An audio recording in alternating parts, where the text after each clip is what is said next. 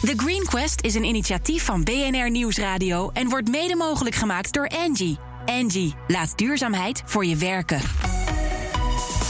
BNR Nieuwsradio. The Green Quest. Harm Edens. Duurzaam bouwen zijn twee woorden die je eigenlijk niet meer los van elkaar kunt zien.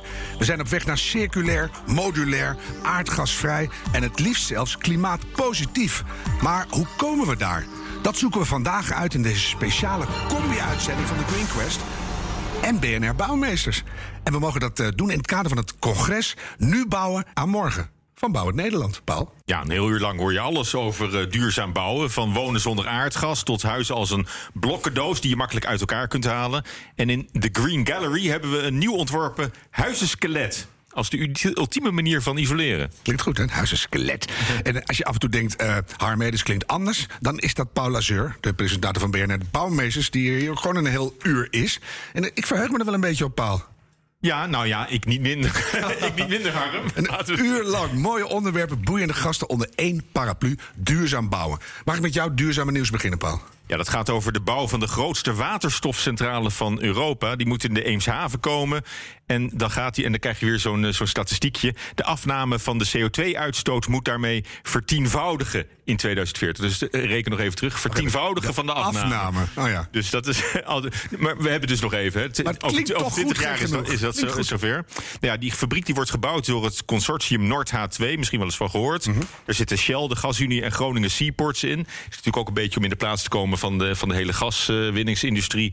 die daar natuurlijk uh, wordt, uh, wordt, wordt afgesloten. Nou, er komen nu ook een Noors en een Duits energiebedrijf bij. Die hebben zich aangesloten bij dat consortium. En uiteindelijk willen ze grote hoeveelheden waterstof via pijpleidingen van de gasunie. Daar gaat dan straks dus waterstof doorheen. Die gaan uh, naar de industrie in heel Noordwest-Europa. Dus ook naar het Roergebied, maar de Rotterdamse haven, Antwerpen. Dus daar moet al die waterstof straks naartoe gaan. En het grote voordeel van het project is volgens de, ja, de, de, de leiders daarvan... Dat, we, dat ze geen beroep doen op het Nederlandse elektriciteitsnet... maar een rechtstreekse aansluiting krijgen op een windmolenpark. En ze houden nog wel een klein achterdeurtje open voor uh, het elektriciteitsnet van Nederland. Want uh, als er uh, te veel zonne-energie aan het net geleverd wordt, kunnen zij helpen om die piek een beetje, een beetje af te nemen. Dus, dat, dus nou. eigenlijk alleen maar, alleen maar goed nieuws op dat punt. Maar het is, het is wel iets van de lange adem. Hè? Zoals zoveel van dit soort projecten. We hebben het nu over 2040. Wel, maar dat gaan we nog meemaken als het ja, goed is. Ja, ja, daar zijn we nog bij. Ja, ja ik, ik hoorde net in het nieuwsbulletin. IKEA doet geen gedrukte gids meer. Vind ik toch heel goed klimaatnieuws eigenlijk. Ja, bladerde je wel eens door? Of eigenlijk stiekem wel.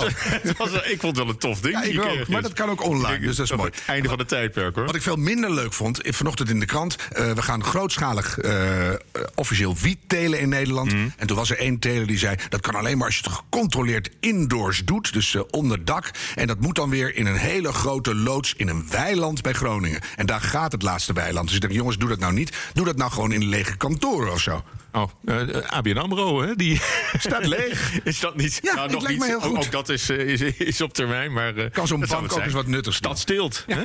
ja. Maar ja, ik, wat ik van jou wil weten, Paul... die urgentie in, in Bouw het Nederland... neemt die nou toe als het gaat over duurzaam bouwen?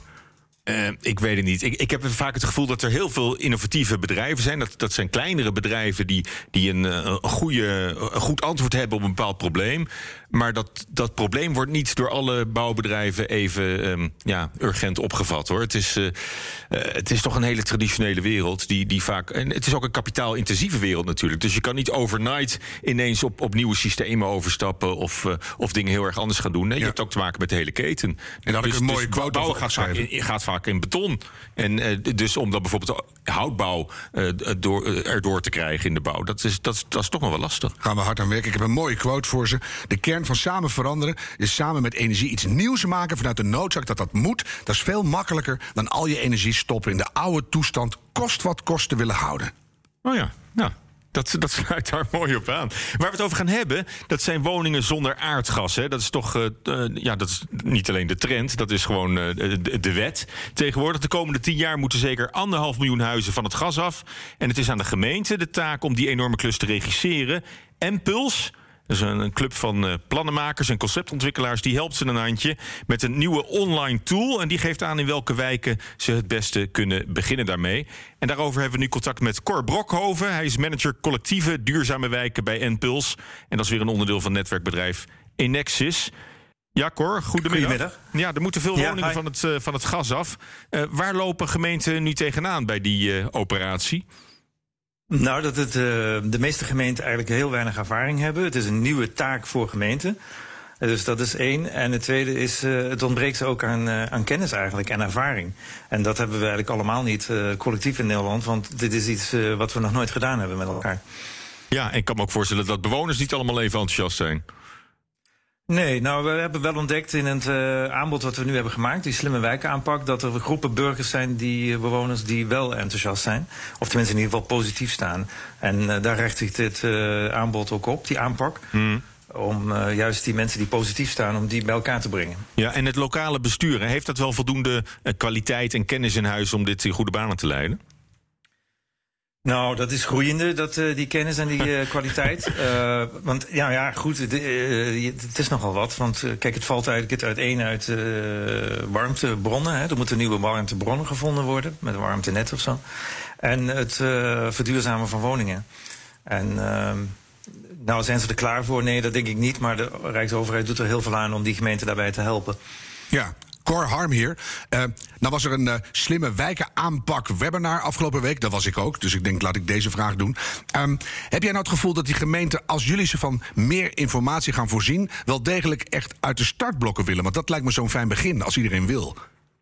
Ja, ik denk het wel. Um, ik, ik heb heel veel uh, positieve reacties gekregen na de introductie van de slimme wijkenaanpak in uh, oktober. Mm -hmm. En uh, waar ze vooral geïnteresseerd in zijn, is dus die tool die net al even genoemd werd, omdat je daarmee groepen bewoners kunt selecteren. En niet zomaar een hele wijk, maar wel mensen die geïnteresseerd zijn.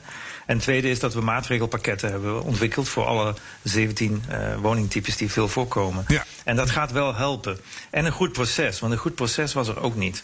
Ja, en een van die maatregelen die jullie dan uh, adviseren uh, is dan de geen spijt altijd goed maatregel. Nou, dat, uh, dat, dat klinkt sowieso ja, dat prima. Maar, maar wat, wat, bedoel je daarmee? Ja, die wil ik ook nu al. Nou, waar je geen, spijt, geen spijtmaatregelen zijn eigenlijk isolatie van je woning in stappen. Mm -hmm. Dus dat hoeft ook niet in één keer. Nou, dat, dat zijn de maatregelen waar je absoluut geen spijt van hoeft te krijgen, omdat het betekent ook een lagere energierekening. Ja. Um, nou ja, en sommige mensen willen dat combineren bijvoorbeeld met een hybride warmtepomp. Dat is een beetje een tussenoplossing tussen uh, aardgas en aardgasvrij. Hè? Dus daar kun je makkelijk nog 15 jaar, 20 jaar mee doen. Uh, dus dat, zijn, uh, dat noemen wij geen spijtmaatregelen. En het mooie is dan dat je al in beweging bent. Maar ik heb even mijn huiswerk gedaan, Cor. Uh, als we over 30 jaar allemaal CO2-neutraal moeten zijn en van het gas af... dan hebben we omgerekend iets meer dan 8000 werkdagen. Ehm, dat betekent dat we tot 2050 elke werkdag zo'n 1000 woningen van het gas af moeten halen. Ehm, hoe gaan we dat doen? Nou, dat is natuurlijk een, een, een olifantstaak, zoals we dat wel eens noemen. Uh, en ik merk nu de laatste half jaar, of het door corona komt, weet ik niet, maar ik merk wel meer realisme bij politici, maar ook bij het ministerie van BZK, Binnenlandse Zaken en Wonen, uh, die daarover gaan om uh, te zeggen, nou aardgasvrij is geen doel op zich. En laten we gewoon maar eens beginnen. Want ook al die getallen elke maand en dan uh, ja, die rapportages waar dan weer in staat wat je niet hebt gedaan of wat niet gerealiseerd is. Mm -hmm. uh, ja, daar worden we allemaal ook niet zo heel vrolijk van. Dus laten we nou gewoon maar aan de slag gaan en op een hele kleine schaal beginnen. En dan uh, gaat het langzaamaan sneller en we zien wel waar we uitkomen en misschien valt het mee. Ja. Nou, mooi. Vind ik een realistische benadering. Um, voor bouwbedrijven dan zit het werk vooral in het extra isoleren, denk ik. Hè? En kan je dat bij ja. elk type woningen doen? Of gaat het toch weer voornamelijk voor de nieuwbouw in weilanden en zo? Nee, helemaal niet. Uh, juist de bestaande bouw. Dat is de grootste opgave. Fijn. En uh, nou ja, je kunt per huis, uh, wij geven dat ook aan in die maatregelpakketten, kun je eigenlijk Um, ja, eigenlijk uh, kiezen wat je, wat je het eerst gaat doen. Uh, nou, geen enkel huis is nog uh, maagdelijk, zal ik maar even zeggen, qua isolatie. Er is overal wel een keer iets gebeurd. De een heeft de vloer, de ander heeft de wand, de ander heeft dubbel glas. en dan, dan kun je zelf, dat zelf samenstellen. Mm -hmm. Wat daarin ook belangrijk is, is natuurlijk de hele financiering, de betaalbaarheid. Uh, want zeker voor uh, mensen met lage inkomens is dit best moeilijk om dit uh, te doen. Ja, en dan, dan, ga je ook niet dus versnellen met elkaar. Als duurzaam nee, nog steeds precies, duur dus is, dan... Ook, ja. Ja. ja, dus we houden ook wel een pleidooi voor, uh, ja, dat heet zogenaamd, uh, of dat zogenaamd, maar dat heet dan de onrendabele top. Oh. Dat je dat uh, zult moeten financieren. Ja, de, daar wordt op dit moment ook wel heel goed. ja. Daar, daar, moet, daar moeten we het de volgende keer denk ik over hebben. jullie hebben ook een ja. online data tool gelanceerd hè, om dit proces in goede banen te leiden. Die is ongeveer een maand live nu. Merk je al dat gemeenten die tool weten te vinden en, en goed gebruiken? Ja. Ja, dat is heel erg leuk. Ook de collega's van uh, Stedin. Uh, daar hoorde ik uh, gemeenten die daar in, in, het stedengebied zitten, die net beheren. Mm Daar wordt die ook al gebruikt. Dus dat vind ik wel leuk. En ik heb nu een paar gemeenten die willen wel een proef gaan doen met die slimme wijkaanpak. En dat, ja, daar ben ik wel heel blij om. En dat komt een beetje omdat ze door die tool zien dat je het A niet te groot moet maken en dat je uh, ja, ook uh, zelf eigenlijk een, een, groep van bewoners kunt uh, selecteren. Ja. En dat je dus weet waar je moet beginnen. Want dat, je een beginnetje kan maken, dat is mooi. Ja. kan jij nou ook zien welke gemeenten nog niet meedoen, zodat je die hier even kan noemen? Bijvoorbeeld Helmond, doet die al mee? dat je nemen en shame ja, dat je gewoon opjutten. Nou, nee, ja, kijk, ik denk dat de meeste gemeenten, dat zag ik ook na het webinar vorige week, uh, die gaan zich hierin verdiepen en die zijn geïnteresseerd. En daar ben ik al hartstikke blij mee. Dus uh, nou, het is een goed begin. dan. en shaming is nog een beetje vroeg, denk ik. ja, goed begin, uh, Cor Brokhoven van uh, Impuls. Veel dank en ook veel doorzettingsvermogen gewenst. Dankjewel. Dankjewel, Cor. BNR Nieuwsradio. The Green Quest. Je luistert naar een speciale duo-uitzending van The Green Quest en BNR Bouwmeesters. Ik ben Harm en naast mij zit al. Je bent wakker. Dank je wel, Harm. Uh, elke week uh, zoekt Harm in dit programma naar de meest duurzame innovaties van Nederland. En vandaag nummer 12 in The Green Gallery. Het isoskelet van Cocon. En hun innovatie klinkt, als je er een geluid aan wil koppelen, ongeveer zo. Maar het is niks. Het is heel moeilijk. Staat wel. Ja, ons product is isoskelet. Dat is een 3D-geprinte uh, constructie die we vacuüm kunnen trekken... waardoor we een dynamische isolatie kunnen maken. Een vacuüm is zeg maar niks. Het bestaat wel, maar het is niks. Het is een ruimte met niks. Het is heel moeilijk ook om een vacuüm te maken. Henk Middelkoop van Cocon is hier met niks. Ik ben heel benieuwd. En via de glasvezel komt tot ons jurylid Peter Smeets van Engie. Welkom ook Peter. Hang jij? Ja, Goedemiddag, ik ben ah, er. Hallo. Mooi. Mooi om in deze speciale uitzending te zijn. Ja, is leuk. En die, die kruisbestuiving, ik voel hem al een beetje. Want als je het over bouwen heb je het over duurzaam. Heel veel duurzame dingen vinden op een manier hun weg ook weer naar de bouw. Dus ik vind het wel een fijne, fijne combinatie. We gaan beginnen met onze traditionele vraag. Henk, zou jij aan ons en aan de luisteraars willen vertellen wat jullie innovatie precies inhoudt? Nou, wat wij gedaan hebben, wij hebben geprobeerd om te zoeken naar een materiaal wat, uh, wat beter isoleert dan wat we nu hebben. En we kennen al, uh, al jarenlang of al decennia inmiddels het, uh, het vacuüm als isolatiemateriaal. Maar dat is toch beperkt. Wij hebben gekeken of we dat een stap verder kunnen brengen door het variabel te maken. En tegelijkertijd ook constructief. En daarmee hadden we toch iets te pakken wat, uh, wat, wat dingen op kan lossen waar we nu met elkaar nog geen, uh, geen oplossing voor hebben. Maak het meteen maar concreet, want ik denk uh, constructief, het zal wel. En vacuüm, hoe dan? Dus wat, wat kan je met jullie spullen doen? Nou, wat wij doen is, we hebben eigenlijk een, een skelet. En op dit moment hebben we dat gewoon geprint in onze 3D-printer. daar doen we een, een membraan omheen om heel eerlijk te zijn, dat is nu gewoon een eh, prinseszakje... wat we bij de vacuümmachine van de Blokker uh, ingezet hebben. Dan trekken we het materiaal vacuüm. Dan is eigenlijk zoveel mogelijk lucht eruit. Dus we krijgen niet alle lucht eruit. Daarvoor moeten we betere apparatuur hebben. Maar het voordeel van vacuüm is dat het heel goed isoleert. Dus er werd net gezegd, het is niks. Dat is ook zo. Dus er geleidt niks? Nee, er geleidt niks. Geen geluid en geen energie. En dat plak je tegen gebouwen aan. Uh, daar kan je van alles mee doen? Ja, maar dat is niet alles. Uh, want dat is niet nieuw. Dat doen we nu eigenlijk continu de hele energietransitie aan de gebouwkant is bijna isolatie eh, plakken, even los van de installaties. Mhm. Maar wat dit materiaal uh, kan leveren, als extra kan leveren, is dat we eigenlijk uh, variabel gaan isoleren. Dat doet de, de, natuur ook. Als je in de natuur kijkt, een vogeltje in de winter heeft een ander verenpakje dan in de zomer. Maar je gaat niet tegen een gebouw in de zomer iets anders aanplakken dan in de winter. Dus. Nee, nee, maar daarom hebben we nu dit materiaal, daar gaan we eigenlijk dat vacuüm variëren. Dus in de zomer hebben we eigenlijk geen vacuüm, is het gewoon twee keer een tentdoekje. En in de winter zuigen we een vacuüm en dan is het opeens een hoog isolerend materiaal. Wauw. Peter, jouw eerste reactie? Ja, ik ben onder de indruk. Ik las dat uh, isoskeletbouw de wereld uh, de, op zijn kop gaat zetten. Net als Tesla destijds. Ja. En dat triggerde mij enorm natuurlijk. Dus ik vond het eigenlijk ook wel heel gaaf. Uh, dat Henk uh, het op die manier neerzet. Uh, dus je legt meteen de lat enorm hoog als je dat doet. Maar ik was erg benieuwd um, waarom je als architectenbureau, dat toch met name bekend staat als het ontwikkelen van mooie gebouwen, op een gegeven moment producten gaat ontwikkelen. Dat vond ik wel een, eh, een, een bijzondere move.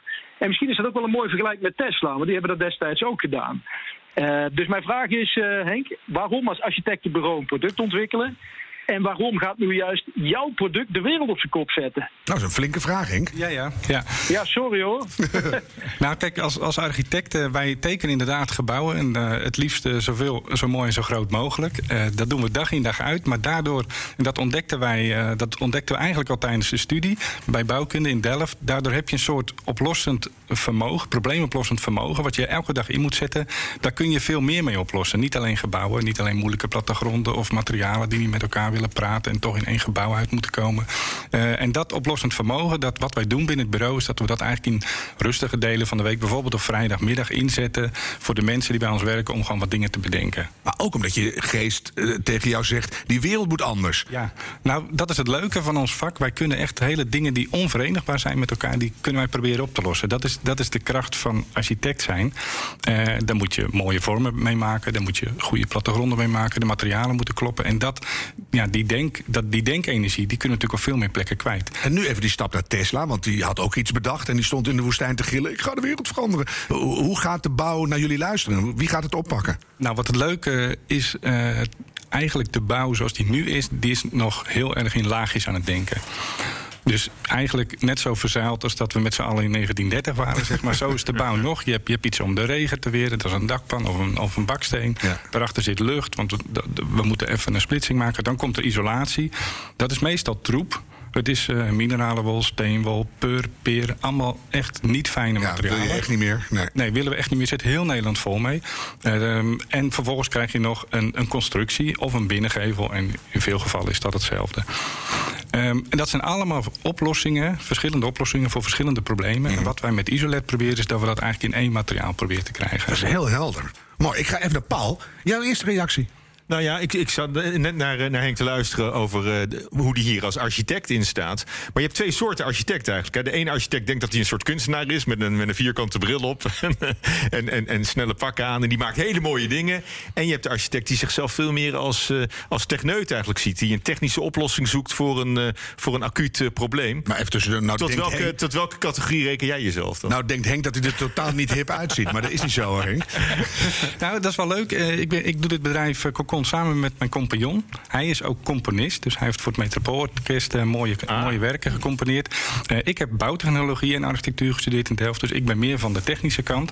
Uh, maar dat wil niet zeggen dat we op het gebied van vormgeving echt wel heel druk met elkaar zijn. Want een mooie vorm vinden, dat is best een ding.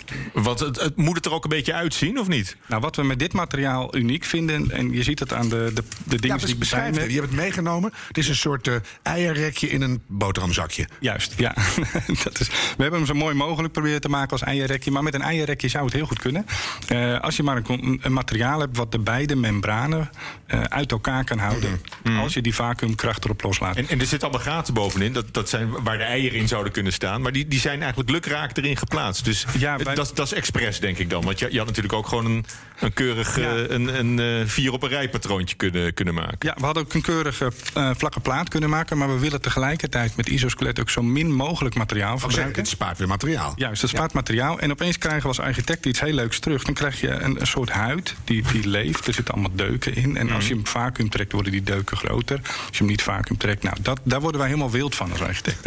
Ik zie okay, het, ja. Dus, dus, dus de, de, esthetiek is wel degelijk uh, ja, van, van groot belang. En waar is het van gemaakt? Zitten er nog veel raw materials in of is het ook alweer gerecycled? We zijn nu op zoek naar de materialen. Uh, kijk, omdat het in een vacuüm zit en daardoor eigenlijk bijna uh, niet in contact komt met buitenlucht, kunnen we materialen pakken die, die ook wat minder uh, zeg maar, die, als je die normaal buiten neerlegt, dat ze met een week weg zijn. Mm -hmm. uh, we hebben hier zo'n materiaal ook al meegenomen. Dat is een soort biobased materiaal, tarwe, zetmeel geloof ik, en houtvezels. Dat kan gewoon. Dat kan gewoon, dat kun je gewoon printen. Is wel de moeilijkste. Dus bij ons, de slimme kop bij ons kantoor, die, die zijn de hele machine aan het verbouwen om dit spul eruit te krijgen. Maar daar komen we uit met elkaar. Maar je, je kan toch ook met Nutella printen, of niet? Ja, ja, dat is weer een hele andere tak van sport. Ja, als, als, de zon gaat schijnen heb je een probleem dan als dat een, in het isoskelet is. Isoleert heel slecht. Ja. maar dan een bedrijf volledig in ontwikkeling nog, hè, want jullie zijn echt een start-up te noemen. Uh, folie is een apart probleem voor jullie. Ja, de folie moet. Uh, het, een, een, van de dingen die ik bij me heb, die is uh, vanochtend drie keer gevacumeerd omdat die steeds lek raakte. Uh, dat is wat, er, wat, wat de folie kan doen. Als die niet tegen die krachten kan van het vacuüm en er prikt er ergens iets doorheen, ja.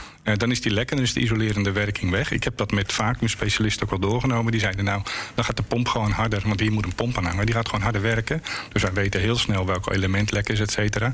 Maar een goed membraan vinden, wat, wat die krachten kan weerstaan, wat ook in de zon in, 40 jaar lang kan zitten, zeg ja, maar. minstens, dat, hopelijk. Ja. ja. dat is best een ding. En dat, uh, daar zijn we in Nederland, in folies zijn we goed. dus als Nobel, Axo Nobel nu meeluistert... Ja, die moeten het hebben liggen. Dat is mijn overtuiging. Alleen doe even een oproep. Ja, nou ja, bel ons gerust. Want uh, het, het, skelet is er en het membraan is nog een, uh, een puzzel. Dat is lekker, Paul. Dat is weer opgelost. Want ik weet zeker dat Axo Nobel nu gaat, gaat bellen. Hoeveel besparen we hiermee als het echt allemaal grootschalig wordt toegepast? Ja, wij, uh, wij zijn nog aan het onderzoeken wat, wat de uiteindelijke isolatiewaarde is in zijn beste toestand, zeg maar. En wij denken aan een SC tussen de 6 en de 10. Dat is hoger dan wat er nu vereist is. Mm -hmm. En dan, dan kom je dus ook in de supergoed isolerende woningen terecht. Maar wat wij proberen te bereiken is dat we de woning, als je natuurlijk elke gevel uh, kunt gaan. Uh, uh, met sensors kunt gaan uitlezen. En je kan zien van hey, hoeveel isolatiewaarde heeft deze nodig. Nu moet er even geen energie in, want de ja. zon schijnt. Dat is niet zo lekker. Moeten we blokkeren. Dan maak je hem hoger isolerend. Uh, en s'nachts, als het binnen warm is en buiten niet, dan laat je, binnen. net als op de camping, dan laat je die energie weer naar buiten gaan. Door je tent. Ademende gebouwen krijg je. Ja, ademend, maar niet in de zin van... want wij denken allemaal dat het vocht naar buiten moet. Dat, is, dat komt omdat we te veel slechte regenjasjes bij de zeeman hebben gekocht. bij een huis speelt dat allemaal niet zo erg. Maar dat is een andere discussie. Nou heb ik een, een, op de website een flat gezien... waar zo'n skelet omheen getoverd was. Ja. Dat worden een soort futuristische blobs uit, uit outer space. Gaan met jullie toepassingen al die gebouwen nou hetzelfde uitzien? Nee, nee, dat is het mooie. En, en dan komt eigenlijk het onderdeel parametrisch ontwerp uh, om de hoek kijken. Dat is een nieuwe manier van ontwerpen. Wij hebben nu, zeg maar, de oude architect die maakte een fantastische uh, schets en dat werd gebouwd. En nu kunnen we met parametrisch uh, modelleren, gebouwen genereren met vormen die we eigenlijk niet kenden. Ja, dat is mooi. Want dan kun je, toch wat diversiteit houden. Absoluut. En je ja. kan ook zien welk gebouw echt aangepakt is. Dan ja. zie je, hé, hey, dat is een geïsoleerd gebouw. Peter, wat wil jij nog weten? Ja, nou ja, ik vooropstellen dat de creativiteit er vanaf spat. Um, maar ik had het uh, al aangegeven, als jurylid zou ik ook toetsen op toepasbaarheid. Uh, dus ik zie uh, dagelijks binnen Engie allerlei nieuwe innovaties en ideeën ontstaan hè, van, passieve me van actieve mensen met passie en, en, en technologie. Maar mijn vraag gaat over uh, de toepasbaarheid en de markt en of er uiteindelijk uh, een positieve business case te realiseren is. Met andere woorden, kunnen wij hier geld mee verdienen en is er continuïteit te realiseren. Dus, dus mijn vraag is, kan je ons meenemen in hoe je daar tegenaan kijkt en wat er eventueel nog nodig is om het hele integrale plaatje goed voor elkaar te krijgen? Technologie, financiering, markt en marktbehoeften. En geluk. Henk? Ja, nou dan begin, Ja, ik, eh, dan begin Ja. ik bij de laatste om het, eh, om het zo goed mogelijk uit te kunnen leggen. We hebben dit ook gepresenteerd bij eh, Rabobank Westland. Dat was eigenlijk een spin-off van het winnen van de prijs eh, van de Innovation Challenge. En daar begonnen ze echt wel te glimmen. Want daar wordt nu heel veel glas toegepast. Glas isoleert best goed, maar in de winter totaal niet. Als je dat kan vervangen door een transparant isoskelet, dan heb je opeens iets te pakken. En niet alleen voor Nederland. Dat is iets wat heel de wereld over gaat. Eh, dus daar om, ja, die, in die hoek liggen al een heleboel kansen. De bouw, we zitten eraan te denken om met dure onderdelen te starten. Want eh, bijvoorbeeld een voordeur, dat is iets nu. We gebruiken hem allemaal bijna nooit. Uh, tenminste, zeker niet als je een achterom hebt. Uh, hij kost 3.000, 4.000 euro als je een goede wil. Dus daar zit wel potentie om, om iets meer mee te doen. Maar om het samen te vatten, dus je hebt echt, eh, de, de hele wereld ligt aan je voeten. Zodra je kan laten zien, het Ja. werkt en we gaan van start. Ja, dat denken wij wel. Ontzettend veel succes wensen. En eh, nou ja, Axo Nobel gaat bellen met Henk Middelkoop van Kokon.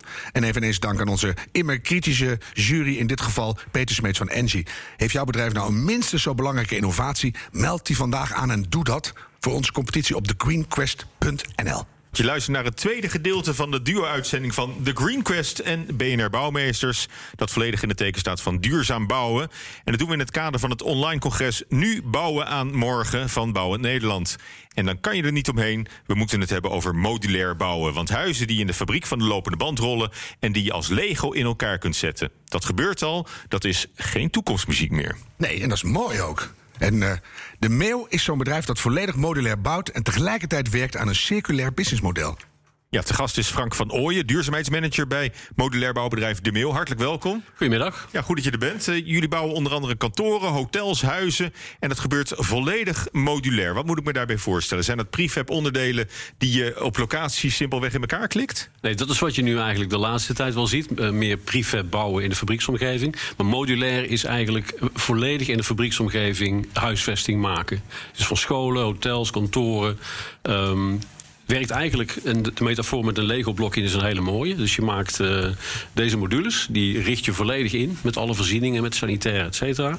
En die worden vervoerd naar een bouwplaats. Daar plaatst een kraan al die blokken tot een appartementencomplex... of een schoolgebouw of een uh, kantorencomplex. Dus een hele natte groep wordt binnengemaakt... en dan wordt die ja. getransporteerd en zo klik, natte groep mm. is gearriveerd. Ja, exact. Ja. En, uh, en, en, jullie hebben zelf de fabriek... en jullie zetten het ook zelf in, in elkaar en op locatie allemaal neer. Precies, exact.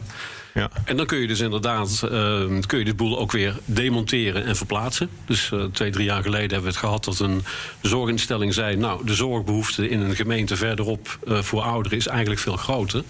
Dus kunnen jullie uh, de boel demonteren en verplaatsen over uh, 25 kilometer? Nou, dat doe je dan in een paar weken tijd. Ja. En hoeveel gebouwen produceren jullie dan per jaar? Ja, groot en klein, maar dat zijn er tientallen. En dat, soms zijn dat grote verzorgingsinstellingen voor honderden ouderen. Uh, dat kan ook een school zijn, maar dat kan bijvoorbeeld ook, met het oog op corona, een, uh, een, een, drietal van die modules zijn voor het triage bij een ziekenhuis of voor het plaatsen van een CT-scan. Dus wat je maar wil eigenlijk. Wat je maar wil. En ook over langere perioden. Dus dit kan van een aantal weken, een paar maanden tot eigenlijk permanent. Ja. Nou. nou, nou is het mooi dat een gebouw met je mee kan. Zeker als je eraan gehecht bent. Of als er een andere vraag is op een andere plek. Maar wat besparen we nou met modulair bouwen? Als je denkt aan grondstoffen, aan CO2-uitstoot. Ja, dus je, je bouwt ongeveer 50% sneller. Maar je bespaart ook enorm veel grondstoffen. Ook weer het Lego-blokje. Dit vond ik nog steeds in een doos thuis. Kinderen hebben daarmee gespeeld. Dat gooi je ook niet weg. Dus omdat je in de, efficiënt in de fabrieksomgeving kunt produceren, omdat je eigenlijk ook de units iedere keer opnieuw weer kunt hergebruiken. Um, en je de, de, de materialen die je in die units gebruikt ook kunt hergebruiken, mm -hmm. ja, heb je gewoon 70% minder uh, materialenverlies. En ook omdat je het al zo ontwerpt, weet je al, je kan het en uit elkaar halen of zelfs een, een badkamerunit hergebruiken. Exact, mm. exact. Ja, ja. En, en die materialen die jullie daarvoor gebruiken, zijn dat dan ook allemaal fossielvrije uh, materialen nou, of dat, dat niet per se? Dat is eigenlijk de volgende stap. Dus wat je nu ziet, we hebben het ook laten doorrekenen door een internationaal advies- en ingenieursbureau. Je kunt dus met deze manier van bouwen tot 55% minder milieu-impact realiseren. Nou, dat is natuurlijk enorm. Er is nogal wat, ja. ja. En wat houdt jullie tegen om zo snel mogelijk biobased te worden? Uh, nou, uh, het is natuurlijk best een uitdaging. Dit vraagt een hele andere aanvliegroute. De bouw is, um, ja, is, in dat, uh, is best wel ja, conservatief. Mm -hmm. Dus dat is niet zo eenvoudig. wij maken echt deel uit van zeg maar, de industrie in Nederland. Zijn ook niet bij Bouwend Nederland aangesloten, maar bij de FME. Dat zegt denk ik al heel veel. Ja. Dus het is eigenlijk dat de hele keten een wat meer open mind moet krijgen voor de andere manier van bouwen. Maar juist in jullie geval zou ik denken, jullie denken al zo hip en circulair, modulair heel anders. Dus als er nou iemand kan beginnen met biobased, zijn jullie het wel. Dus gewoon, gewoon doen, zou ik zeggen. Biobased zijn we volop mee bezig. Dat laten we ook onderzoeken. We werken ook met, uh, met, uh, met scholen, met onderwijsinstellingen en bedrijven daarmee samen. Uh, passen ook al hout en dergelijke toe. Maar het, het blijkt ook in de praktijk best lastig vanuit kostenoogpunt. Vaak ook in de volumes van de materialen die je nodig hebt. -hmm. We hebben met een fabrikant samengezeten die isolatiemateriaal produceert van herverbruikt katoen, van kleding uh, en papier. Maar, maar is, dat niet die... gewoon, is, sorry, is dat niet gewoon koudwatervrees? Dat je, dat je gewoon niet durft om die sprong te maken en die, die drempel over te gaan? Nou, ze konden je... eenvoudigweg niet leveren. Dus de hmm. vraag van de meeuw alleen was al, was al ja, was groot. verlammend. ja. ja. Ja. dus dat is ook weer zo'n vliegwiel wat op gang moet komen. Dat duurt vijf à tien jaar. Het gaat wel komen, maar dat vraagt nog iets meer tijd. Ja. ja. Nou ja, we zitten er bovenop. Ja. Ja. ja, nou, modulair bouwen, hè, dan denken veel mensen toch aan, uh, aan noodlokalen. Ik heb, ik heb zelf op school ooit uh, een, een, paar maanden in zo'n noodlokaal moeten zitten. Een hele containers, ongeveer. Dus. Rechte, saaie blokkendozen. -hmm. Is dat terecht of kunnen jullie ook wel met een beetje jeu bouwen intussen? Nou, als je het hebt over wat houdt jullie tegen... het is de oude beeldvorming van iets van, van 30 jaar geleden... Uh, dat bij velen, ja, die zet eigenlijk de mensen op het verkeerde been. Mm. En dat helpt, niet, helpt niet mee. Ik heb nog een plaatje meegenomen om te laten zien... wat we bijvoorbeeld hier in Amsterdam Amsterdam hebben staan. Een uh, groot appartementencomplex. Een, ook een internationale school. Ja, dat oogt niet meer modulair. Dit zijn uh, huisvestingsoplossingen die daar gewoon 20 jaar kunnen staan. Ja. Dus, ehm, Maar als, als modulair bouwer ben je dus vooral bezig om het er niet modulair uit te laten zien. Ja, om te laten zien dat het, dat het helemaal van deze tijd is. Volledig voldoet aan alle eisen die we stellen ten aanzien van wooncomfort en, en bouwbesluit, et cetera. Ja. Ja. Wat een mooie zin die je net zei ook hoor. Wat houd je tegen? Ja, ja, ja. Het hout is er nog niet. Dus, nou is, eh, volgens McKinsey modulair bouwen in opkomst. Maar eigenlijk is, is deze manier van bouwen helemaal niet zo nieuw. Want jullie timmeren al eindeloos lang aan de weg. De Meeuw is al, bestaat al meer dan 90 jaar. Ja. Ehm, Hoe zag dat er 90 jaar geleden uit? Nou, dat, dat, toen groeiden de steden eh, vlak na de Eerste Wereldoorlog ook heel snel. En toen waren er ook te weinig bouwvakkers, te weinig eh, eh, woningen die werden opgeleverd. En toen keek men bijvoorbeeld naar Ford met de, de autofabrieken. Ja. Waar de, de T-fortjes van de lopende band liepen. Dus een aantal ehm, visionaire architecten en, en, en bouwstromingen... die kwamen met dat idee van... nou, wij gaan gewoon huisvestingsoplossingen in industrieomgeving maken. Bauhaus en... is daar een mooi, eh, mooi voorbeeld van.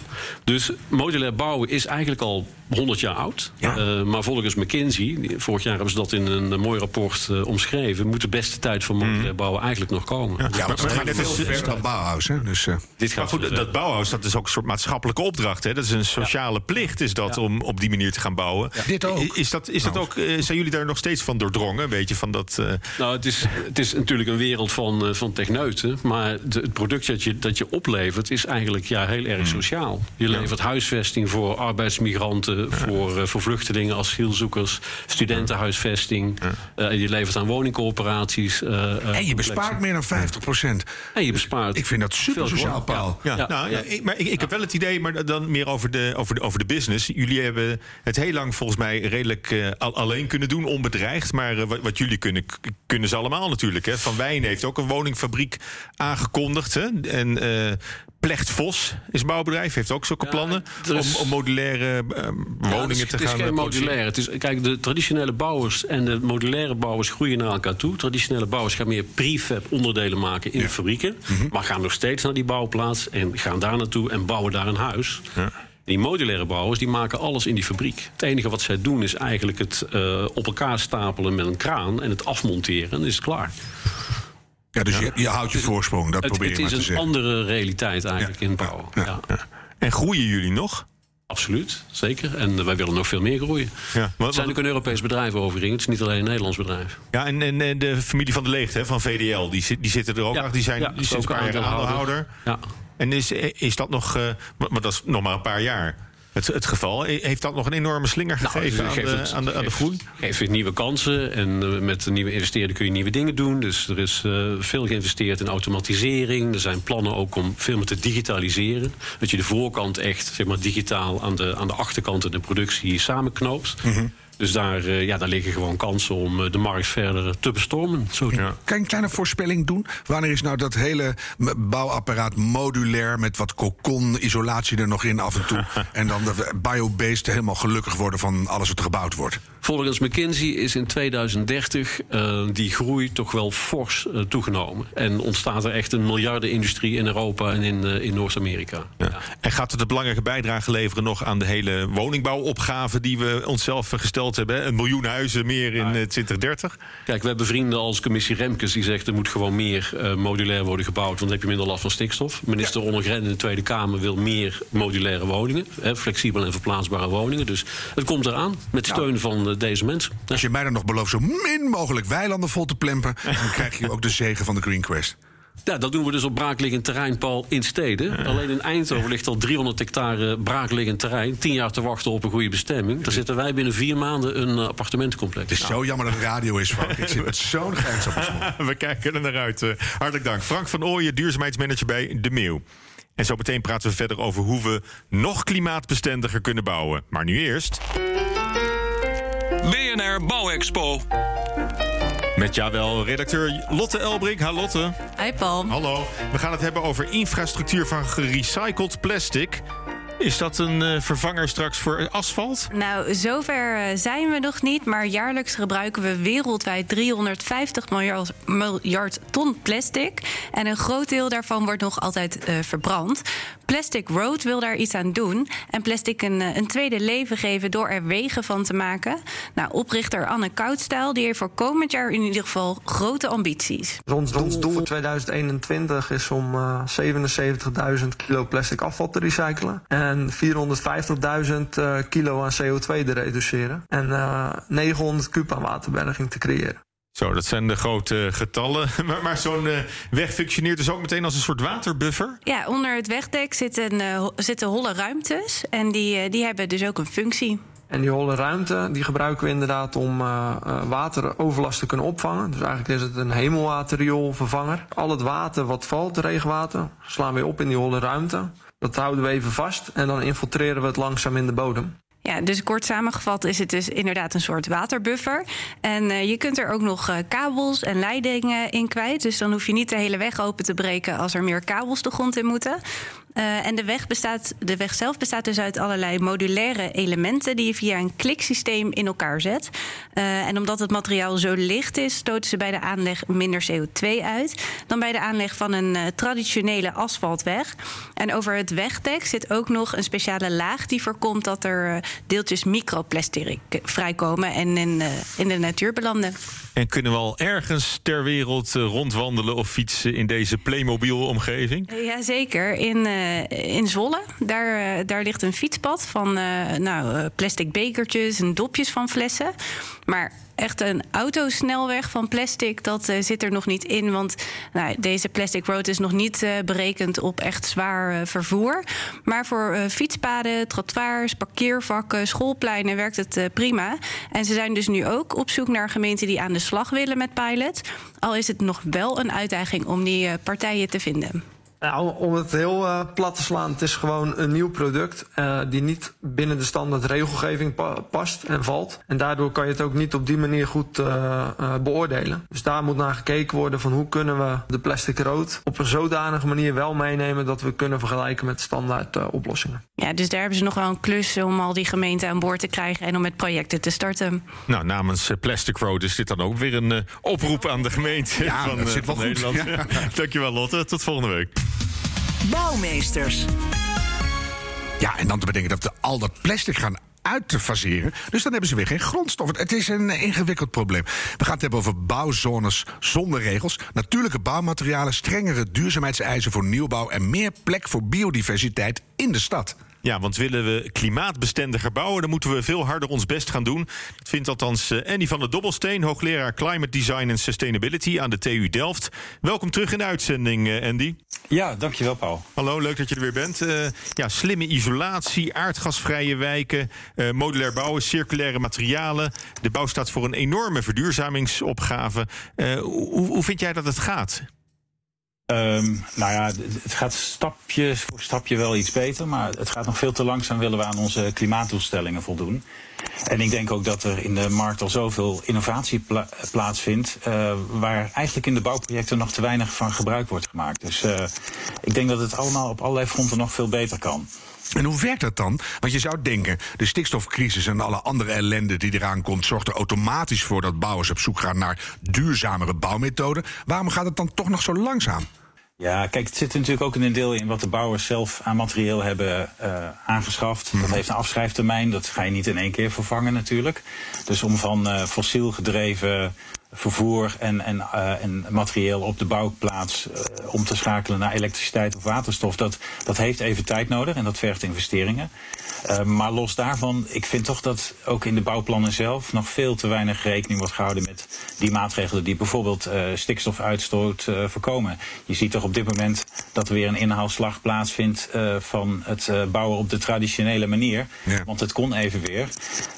terwijl we eigenlijk al beter kunnen. Dat weet ik ook wel. Dat is toch goed dat we dat weer een keer keihard hardop zeggen, Paul. Ja, nou ja, waar, waar we het ook over moeten hebben, en die is de, de norm voor uh, bijna energie-neutrale woningen. Nieuwe woningen zijn allemaal ja. BANG, B-E-N-G. Maar uh, ja. alleen die BANG-norm uh, is, is niet voldoende. Nee, nee, nee. En misschien dat men bang is voor het woord eng. Hè? Dus in plaats van bijna energie-neutraal, uh, energie-neutrale gebouwen. Um, ja, ik, ik vind dat een gemiste kans. Uh, omdat er zijn genoeg bouwers in Nederland die al aantonen dat we al puur energie-neutraal kunnen bouwen. nul op de meter. Mm -hmm. um, toch is de BENG zo ingericht dat dat nog niet hoeft. En dat betekent dat alle nieuwbouw nu niet hoeft te voldoen aan energie-neutraal. en dat, dat over een jaar of dertig uh, er nu grote probleemgebouwen worden. Want daar, daar kan je niet zo heel makkelijk meer aan aanpassen. Hm. Uh, en ja, die zijn dan niet energie-neutraal. Terwijl eigenlijk alles wat we nu neerzetten zou de gebouwde omgeving moeten helpen... in plaats van dat het ook een probleem gaat worden voor de toekomst. Mm. Ja, want er zijn, zijn zelfs dus... nog steeds huizen die nu nieuwbouw met aardgas worden aangelegd. Ja, ja, dat ook nog. Ja. Ook dat zit hem in de planning natuurlijk, die al uh, uh, lang geleden zijn vastgelegd. Maar ja, in Nederland zijn we dan niet zo flexibel om even snel bij te sturen op het moment dat de inzichten beter worden. Daar hebben we het al op meerdere fronten uh, hebben we daar wat van gemerkt.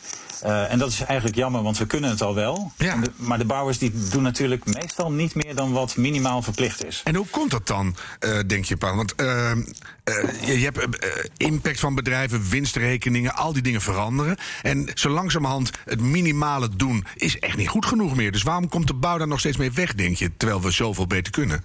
Ja, omdat het natuurlijk niet hoeft. Ja, maar waarom, is, waarom, hoeft, waarom hoeft dat niet van, zich, van hen zelf?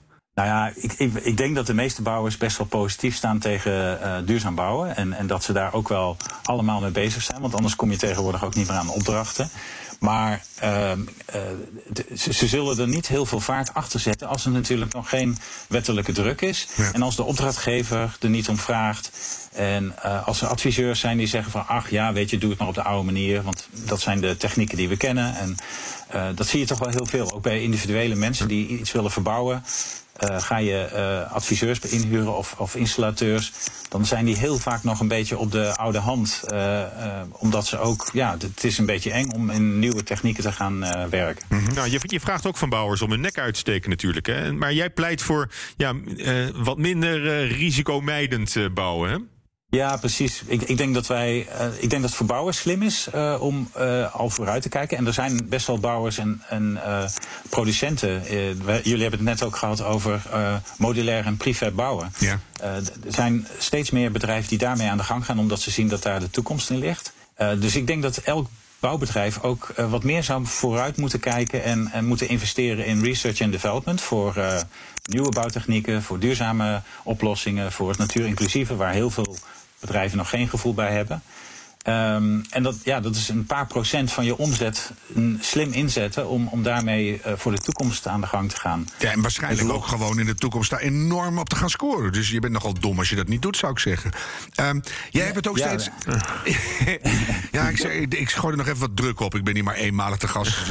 ik ga in, in 30 minuten de hele bouwwereld veranderen. Um, ik, ik, ik, ik zat me even in jou te verdiepen en toen zag ik een mooie term: reguluwe zones. Daar pleit jij voor. Hoe moet dat er precies uitzien? Nou, dat is niet mijn term hoor. Dat, uh, die bestaan al namelijk. uh, dat zijn uh, gebieden die door het minister zijn aangewezen als terreinen waar gebouwd mag worden. nou, experimenteel hoef je niet per se te noemen, maar waarbij je niet aan alle bouwregelgeving hoeft te worden voldaan. Mm -hmm. Waar dus iets meer flexibiliteit ontstaat om innovatieve dingen uit te testen. Een beetje testterreinen eigenlijk. Ja, proeftuinen. Ja, in feite wel. En die moeten veilig zijn, dat nog steeds. Dus het is niet zo dat daar de boel gaat instorten.